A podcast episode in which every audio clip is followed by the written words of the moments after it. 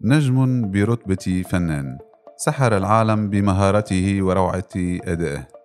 ذاع صيته بفضل سرعته ودقته وحسه التهديفي المميز.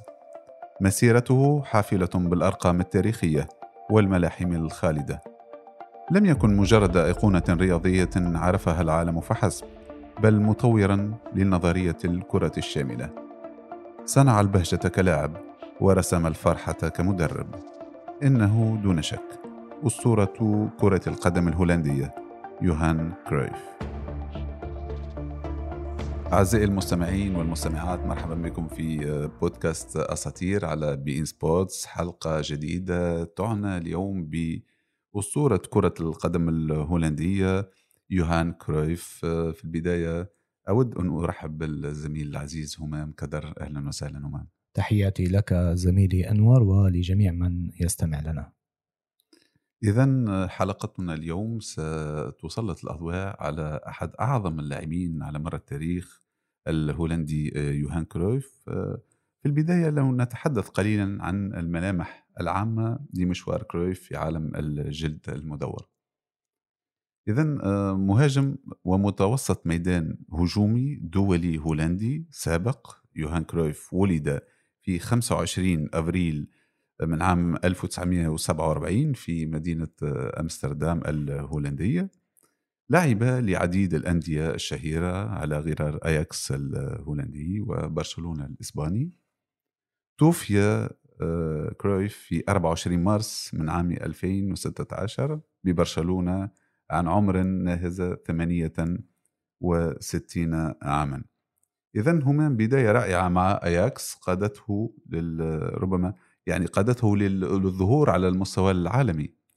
طبعا يعني اياكس مدرسة لتفريخ النجوم ولتصديرهم إلى الخارج. وكرويف كان هذا الفنان فعلا كما وصفته أنور بطريقة لعبه بحضوره في الميدان في بنيته الجسدية في إشاراته في أهدافه في كل مسيرته.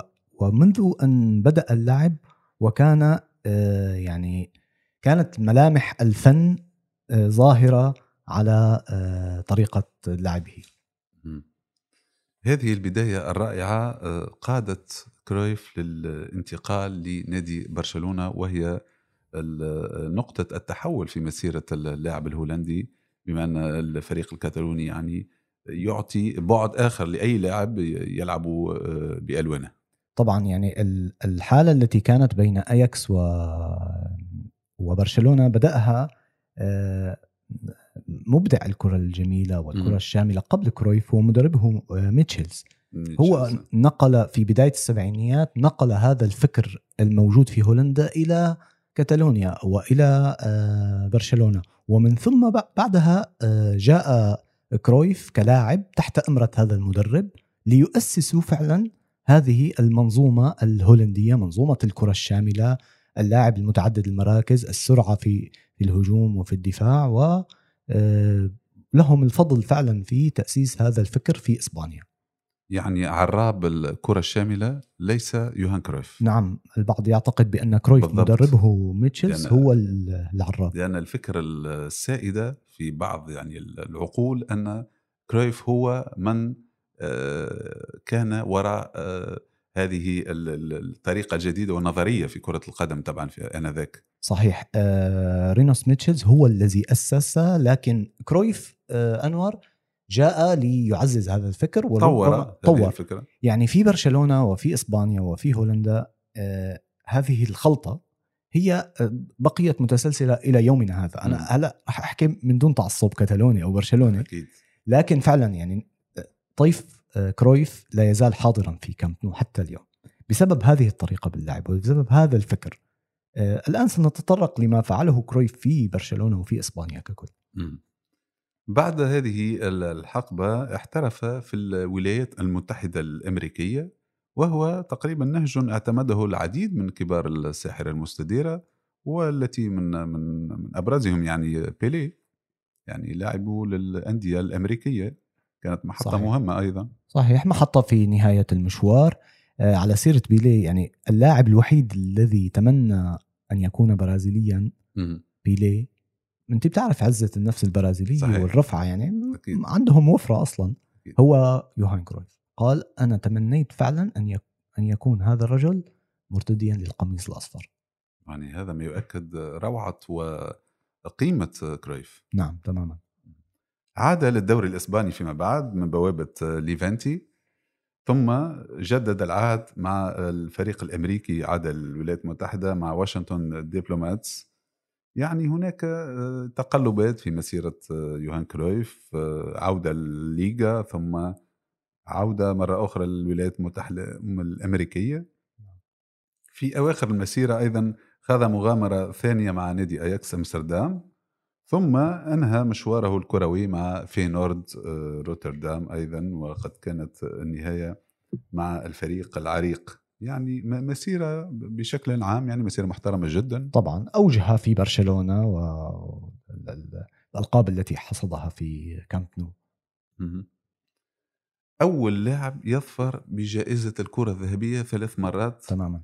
كان يوهان كرويف تماما ماذا يعني ذلك؟ يعني الكثير يعني بأن الزمن قبل كريستيانو وميسي وهذه التتاليات المتتاليات في صحيح. ظفر بالكرة الذهبية كان هناك لاعب يعني فذ يعني لاعب آه، آه، أجبر المتابعين ومنظمين الجوائز أن آه، يمنحوه الجائزة ثلاث مرات وهو يعني في زمنه كان ثمن تعاقد معه من اياكس إلى برشلونة 2 مليون دولار بالسبعينات. بالسبعينات هذا يعني رقم مهم جدا. رقم مهم جدا. إذا حسبناه بيطلع هلأ بمئات الملايين. صحيح. آه، بيقول خورخي فالدانو عن كرويف أنور لم أشاهد مطلقا في حياتي لاعبا يتحكم في المباريات مثل كرويف كأنه هو صاحب العرض.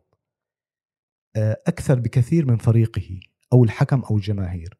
كانت قبضته على ما كان يحدث في الميدان مذهله لقد كان لاعبا ومدربا وحكما في الوقت عينه. انت بتتحدث عن الغريم. تماما آه. يعني صعب إنه الغريم يقول مثل هذه الكلمات عن لاعب في فريق منافس. بالضبط بالضبط. وهذا ما يعطي للاعب قيمة أكبر. حين تنتزع الاعتراف من الغريم فهذا يعني أنك أذهلت العالم. أكيد أكيد. هو اللاعب الثالث تقريبا على جدول الفائزين بالكرة الذهبية. صحبة مواطنه ماركو آه، فان باستن والفرنسي ميشيل بلاتيني برصيد ثلاثة آه، تتويجات. مباشرة بعد الأرجنتيني ليونيل ميسي بسبع ألقاب والبرتغالي كريستيانو رونالدو بخمس تتويجات. رغم يعني آه، أن نعم. الفترة مرت منذ زمن ليس بال بالقليل فيظل كرويف يعني مصنفا على جدول المتوجين بجائزة الكرة الذهبية. بالتأكيد بالتأكيد. هو في آه، زمانه يعني مثلا في في لا- لاعب ميغيل رينا بيقول عنه لقد كان مثل كريستيانو رونالدو من ناحية اللياقة البدنية والقوة. بدني ولكن مثل ميسي من حيث القدرة والإبداع والفن. جمع كرويف كلا الجانبين في طريقته. لقد كان فريدا من نوعه. أيضا اختير ضمن تشكيلة القرن العشرين التي آه، ضمت صفوة لاعبي كرة القدم أمثال البرازيلي بيليه والأرجنتيني دييغو أرماندو مارادونا والألماني فرانس بيكنباور. يعني اختياره ضمن تشكيلة القرن العشرين هو أمر مهم جدا أنه تقريبا أبرز لاعبي كرة القدم كانوا موجودين في القرن ال- العشرين. تماما. يعني إذا قلنا بيليه مارادونا آه، في ذلك الزمن طبعا مارادونا جاء بعد بيليه وبيكنباور وكرويف يعني إذا وضعنا الخمسة الأوائل آه، يكون آه، كرويف في المركز الثالث أو الرابع أو الخامس. يعني آه، حتى تشافي الذي يعتبر آه، أحد ال- يعني أبناء ال- أبناء المدرسة أبناء المدرسة، الفكر. صحيح. قال إنه إنه كرويف لديه فضل على منتخب إسبانيا. متى قال هذا الكلام؟ في, في يعني قبل 10 أو 15 سنة لما بدأت إسبانيا تحصد نتائج تعب السنين. صحيح. لاموه وقتها أنه أين العزة الإسبانية وأنت أكيد. كتالون كذا ولكن هو فعلا يعني هذا الفكر آه، أسس ل آه، لاماسيا وبالتالي لاماسيا استفادت منها البلاد كلها يعني. فبالتالي استفادت إسبانيا فعلا من آه، إرث كرويف في برشلونة. صحيح صحيح. جمع آه، كرويف همام بين الفوز بلقب دوري أبطال أوروبا كلاعب آه، لما كانت تسمى كأس أوروبا للأندية البطلة كلاعب مع أياكس. طبعا هنا نتحدث عن سنة 71 و72 و73 وفاز بهذا اللقب الغالي أمجد الكؤوس الأوروبية كمدرب أيضا مع برشلونة سنة 1992 مع فريق الأحلام كما كان يطلق على ذلك في في برشلونة. نعم. يعني آه، شيء مهم جدا. يعني فاز بدوري الأبطال تقريبا لاعب ومدرب. هذا شيء ما شفناه تقريبا مع زين الدين زيدان. يعني بعض الأمثلة يعني القليلة جدا يعني. نعم يعني هو آه، يعني جمع الجوائز الفردية وجمع البطولات آه، لنفسه. وكان من المنطقي والطبيعي ان أن يكون هذا الرجل في فرادة موهبته آه، على رأس المتوجين بأمجد الكؤوس. فبالتالي إذا لم يتوج بها هنا الخطأ يعني هنا في شيء ما طبيعي بمنطق كرة القدم. فبالتالي كان منطقيا جدا أن يكون كرويف على رأس أمجد الكؤوس أو ويضع على رأسه التاج كلاعب ومدرب. كلاعب ومدرب.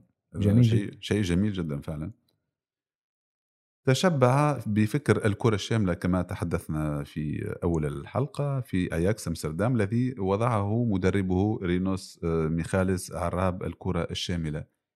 هذه الفكرة كيف آه، استطاع آه، كرويف تطوير هذه الفكرة؟ يعني ليس من السهل. okay قادر أنك تتلقى أي نظرية لكن من الصعب جدا تطوير هذه النظرية. تتطلب الحنكة تتطلب الدراية المعرفة الشجاعة أيضا لأنك تفعل شيء جديد في فريق آه، مثل نادي برشلونة ليس شيئا سهلا يعني. آه، برأي جوارديولا الذي هو أحد خلفاء كرويف إن صح التعبير كرويا هناك مفاهيم ثلاثة للنجاح. الفكرة الرئيسية التي في داخلك كمدرب واللغة التي تستخدمها والعامل البشري. هاي العناصر الأساسية التي تحدد نجاح أي مدرب أو فشله. في البرسا يتعلمون اللغة في الملعب بسن مبكرة. لغة كرة القدم نقصد يعني م. لغة هذه الهوية يعني. ف لأن الأطفال يمرون بلاماسيا فقط توضيح صغير. العديد من المراجع تقول بأن كرويف كان له فضل بفكرة لاماسيا في برشلونة. في برشلونة. و... و... وخروجها بهذا الشكل. فهذه اللغة يقال ان أن كرويف لغة كرة القدم الشاملة واللامركزية يقال أن كرويف هو الذي حددها قبل آه، عقود من الزمن فبالتالي آه، كل آه، لاعب يجب أن يتقن هذه الطريقة باللعب. بعض اللاعبين أنور وأنت تعلم تظهر عليهم إمارات التدريب والحنكة وال ومن منهم ولاعبين بالعشرينات يعني ما ضروري يوصلوا للثلاثينات. منهم جوارديولا منهم تشافي ومنهم بالتأكيد كرويف. فبالتالي من وقت ما كان كرويف لاعب آه، كان ظاهر عليه إنه عنده هاي المقدرة للقيادي لتغيير الفكر لتغيير الرتم واللامركزي اللي آه، هو ساهم بتطويره. كان واضح إنه يملك القوة والدراية والمعرفة والشجاعة لتنفيذ مثل هذا المشروع. المهم والذي ظل آه، ارثا للعديد من الأجيال التي إلى حد الآن نحن نعيش على واقع هذه بالضبط. النظرية. بالضبط. مسيرة مظفرة دامت تقريبا 20 عام ليوهان كرويف آه، تقريبا حقق فيها آه، أغلب الألقاب المهمة على مستوى الأندية نعم لكن على المستوى الدولي ينقص آه، كرويف هذه التتويجات الهامة والكبرى نعم بالتأكيد ينقص كرويف وتنقص هولندا بشكل هولندا. عام صحيح. كاس العالم تحديدا يعني م. خسارة النهائي في ال 74 74 مؤلمة جدا ثم خسارة النهائي في 98 بغياب كرويف. وهنا قيل الكثير لماذا غاب هذا الفنان عن منتخب بلاده. ويعني كان في عدة إشاعات أنه مثلا هو كان ضد بعض ممارسات السياسية للجنرال حاكم الأرجنتين في ذلك يقال صحيح. يقال. ولكن يقال أيضا أنه هو طلع وصرح أنه لا ما هذا كان السبب. كان في تهديد أمني له في بيته في برشلونة وعدة أسباب. تهديد بالاغتيال ممكن بالضبط. ولكن الأكيد أنه آه، هولندا خسرت كرويف في مونديال 78 تخيل آه انور يوهان كرويف لم يسجل سوى هدفين موندياليين فقط. يعني مع ذلك واحد من هدول الهدفين كان على الأرجنتين بال 74 هدف آه، بسيط جدا ولكن رائع جدا. أنا كنت صغير وشوفه بالبرامج الرياضية. طبعا بعد عشر عشرات السنين من تسجيله لكن كان يسحرني هذا الهدف. آه، بيتخطى الحارس وبيفتل جسمه هيك بطريقة كتير فنية وبالقدم اليسرى بي بي بي يعني بمقدمة الحذاء بيلمس الكرة هيك لمسة صغيرة بتدحرج الكرة وبتفوت. هي الأهداف السهلة التي تظهر سهلة هي من أصعب الأهداف. بالضبط. هدف في فن في سحر في لمسة مايسترو في في موسيقى في رسم ما بعرف والله أوصفه. يعني أنا هاي اللقطة لا يمكن أنساها. أنا كنت صغير كتير وما بعرف أصلا مين هذا اللاعب اللي سجلها نعم. في لقطة تانية لكرويف لا يمكن أني أنساها. لم حركة الالتفاف اللي بيعملها على لاعب سويدي بكأس العالم اسمه يان أولسن. وبوقتها هاي الحركة بال 74 مونديال 74 أخذت ضجة كتير كبيرة. وبدعي كل اللي عم يسمعنا إنه يكتب على اليوتيوب الالتفاف آه، يان أولسن. يعني هو تخطى هذا اللاعب بطريقة على أبواب منطقة الجزاء هيك من على الجنب من على الزاوية بطريقة مدهشة جدا. لقطة فنية رائعة. سلطنة طرب. خاض يوهان كرويف 48 مباراة دولية مع المنتخب الهولندي سجل خلالها 33 هدفا.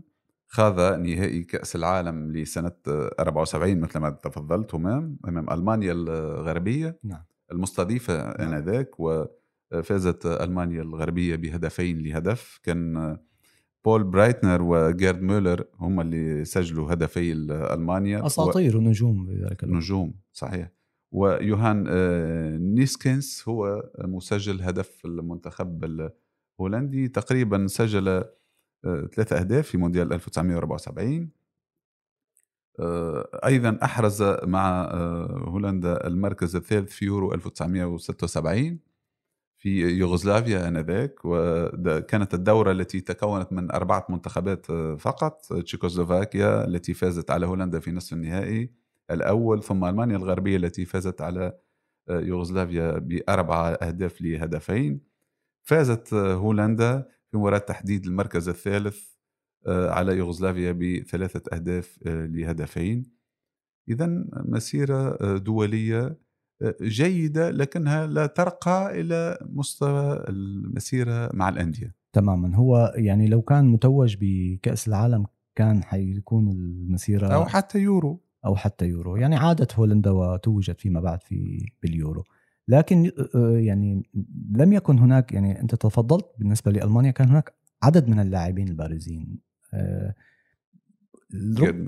بالضبط. لكن في هولندا ربما كان الحمل على يوهان كرويف وحده ومع ذلك لعبوا نهائيين متتاليين.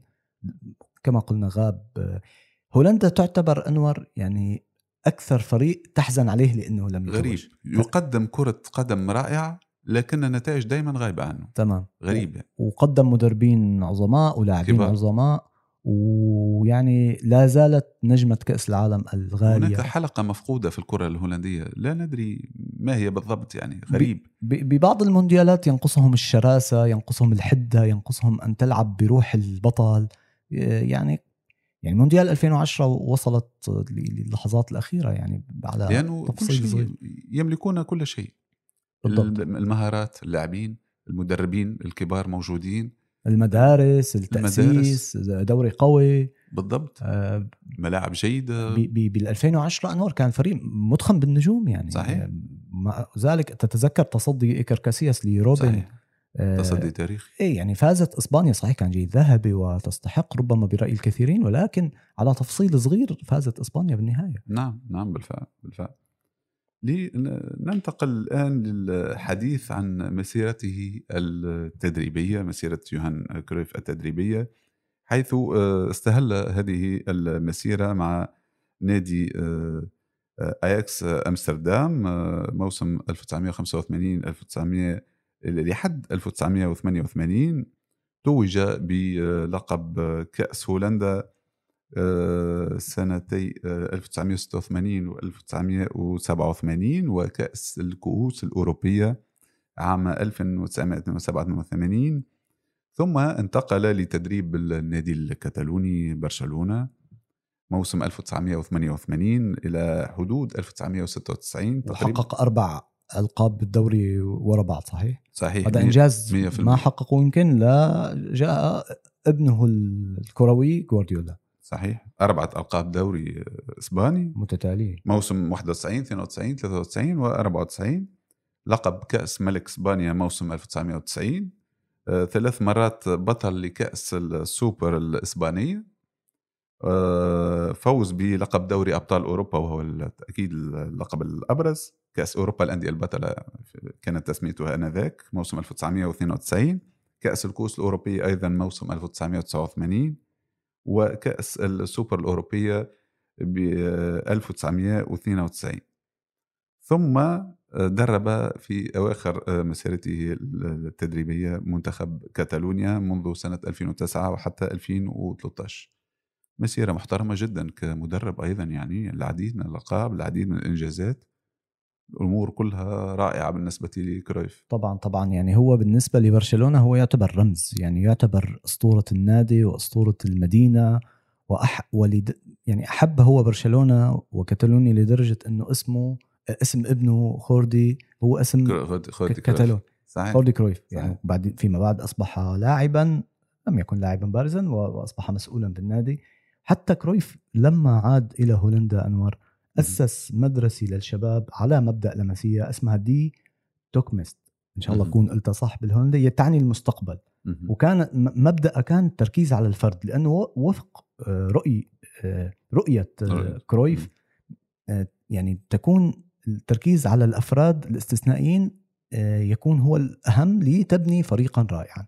ومن هاي المدرسة اللي هي مكونة من 12 ملعب وجمعت كثير من المواهب في محيط العاصمة الهولندية أمستردام تم اكتشاف كثير من المواهب منهم آه، فرانكي ديونغ منهم إيه؟ دي ليخت منهم فان دي بيك منهم الحارس الكاميروني أونانا آه، دالي بليند آه، وحتى يعني عدد من المواهب اللي هلأ أصبحوا من متألقين في جميع الأندية تقريبا يعني. بتعرف أنور أنا لما بدي أمدح لاعب بقول عنده لمسة كرويفية يعني.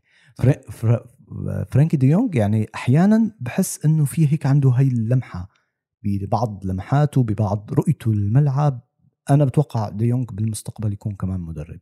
تشافي لما بيكون بأحسن تتحدث عن فرانكي دي يونغ. فرانكي دي يونغ بتوقع إنه يكون مدرب. فتشافي لما بيحسن قيادة الفريق بقول عنده شيء كان من فكر كرويف بهاي المباراة وبهاي. فبالتالي هذا يعني نحن بنقول أسطورة. شو يعني أسطورة؟ أسطورة يعني لساتها لسه إرثها باقي. إرثها باقي صحيح.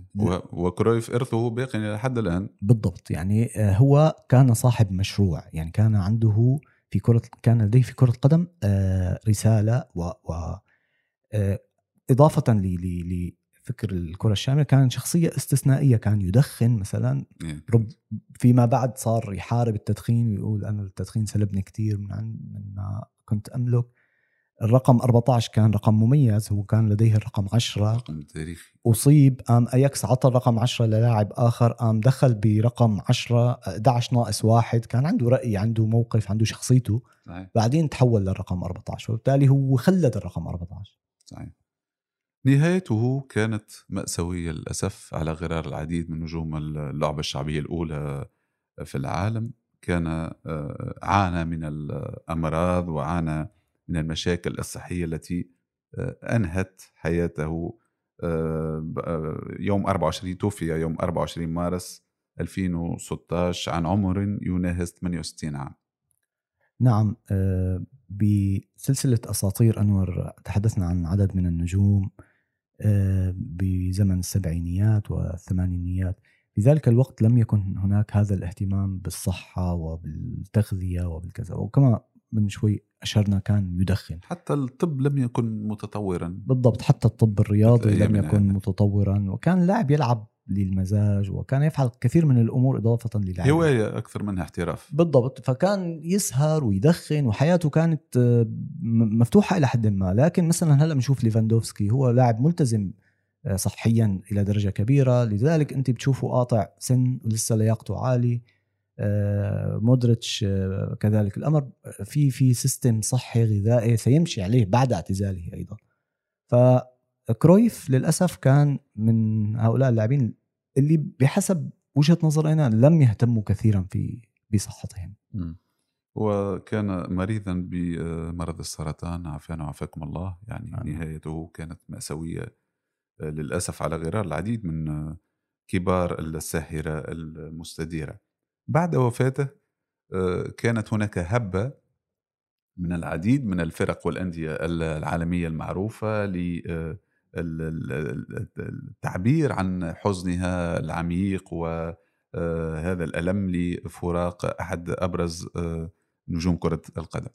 وأنهم أكيد على رأسهم نادي برشلونة. طبعا برشلونة أقام تأبين له يليق باسمه وأرثه وأسطورته التي تركها ويعني لذلك أنور يعني ربما تطرقنا لموضوع آخر مرتبط بهذا الموضوع. أرى دائما أن تكريم اللاعب والمدرب والأسطورة أثناء آه، على حياته يعني قبل وفاته هو مهم جدا. مهم جدا. الآن البعض يلوم الأرجنتين لأنها تكثر من الاحتفالات بفوزها بكأس العالم. لكن أنا أكثرت قليلا. اكثرت قليلا. ولكن أنا حتى ضد كوراسا وحتى بنما منتخبات مغمورة.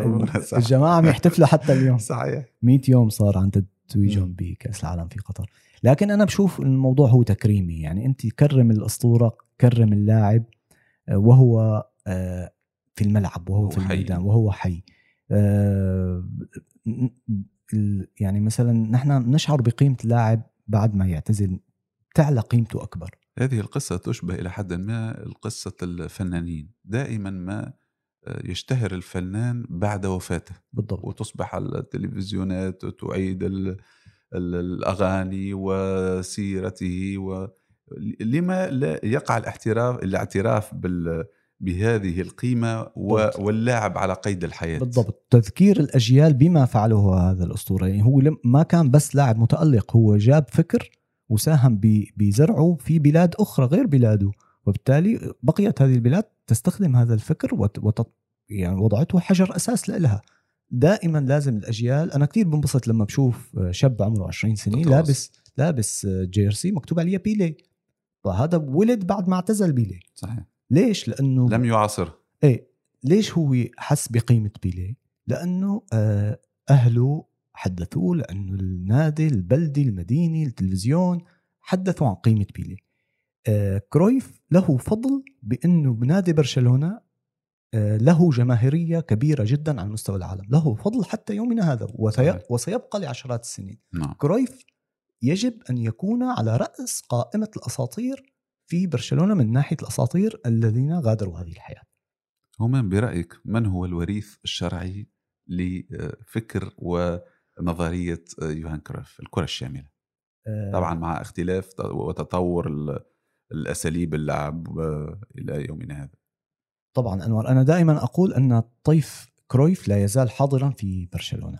هناك آه أفكار كما تفضلت تطورت وتغيرت. يعني حتى التيكي تاكا مفهوم التيكي تاكا آه ظهر بعد كرويف ولكن هو له فضل به كرويف.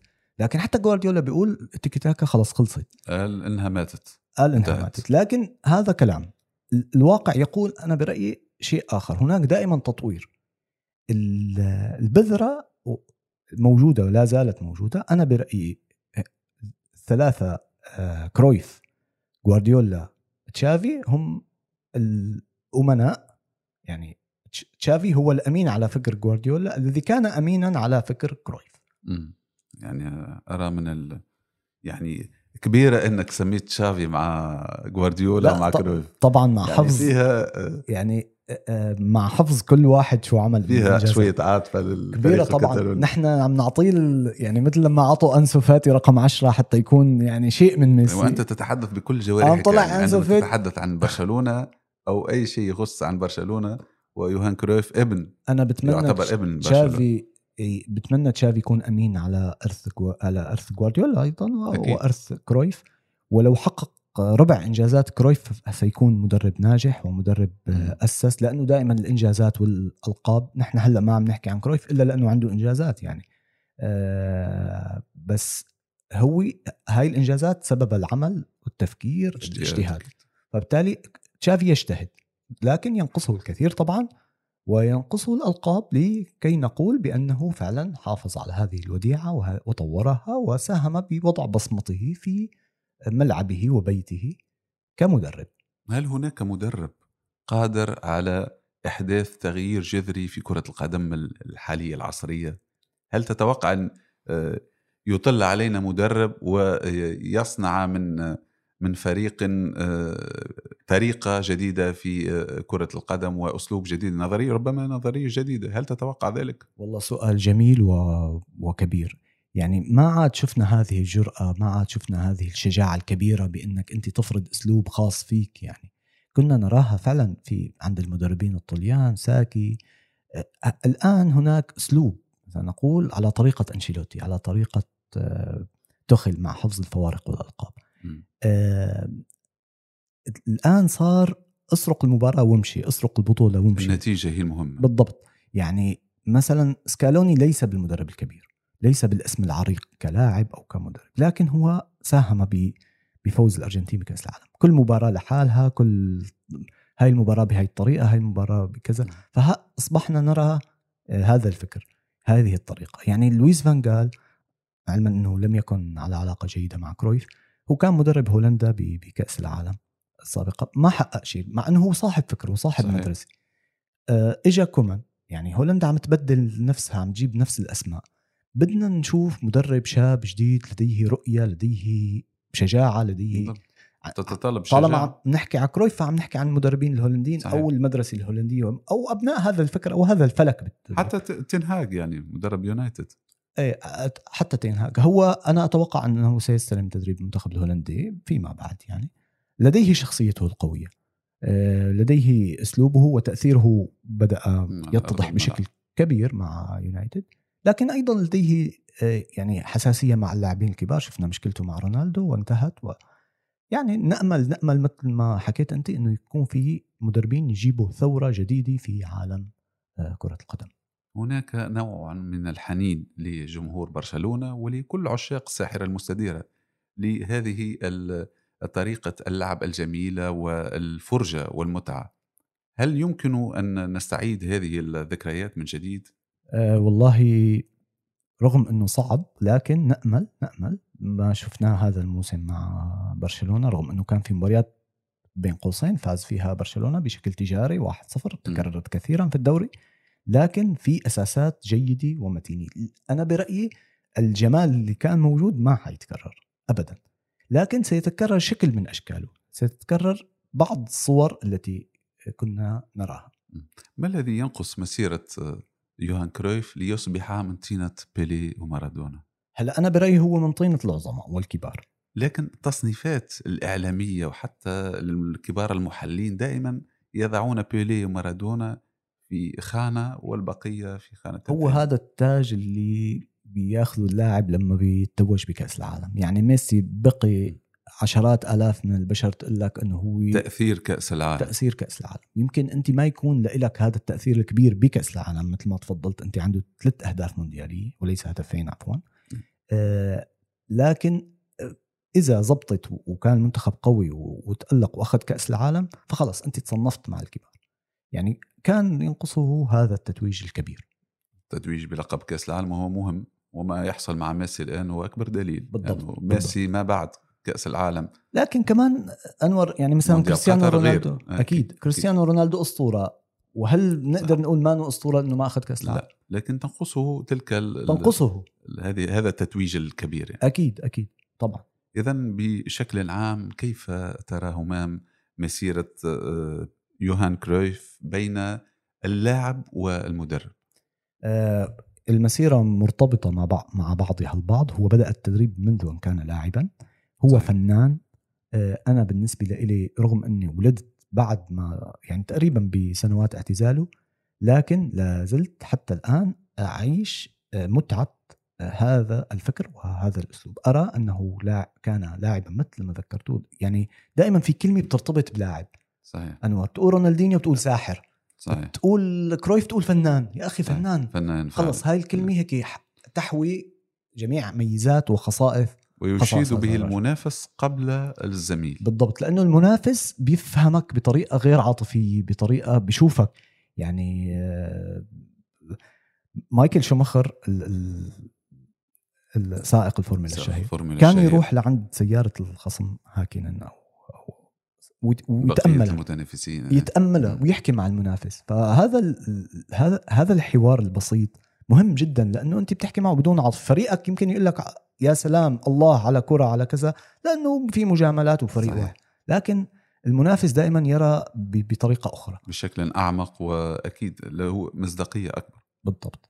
اذا شكرا جزيلا لك همام على هذه المعلومات وعلى الطرح الجميل ونلتقي إن شاء الله في حلقات مقبلة من بودكاست اساطير شكرا لك همام شكرا أنور دائما مستمتع بالحوار معك ونلتقي دائما بحلقات أخرى. شكرا جزيلا. نلقاكم في حلقات مقبلة مع اساطير وكبار نجوم كرة القدم العالمية.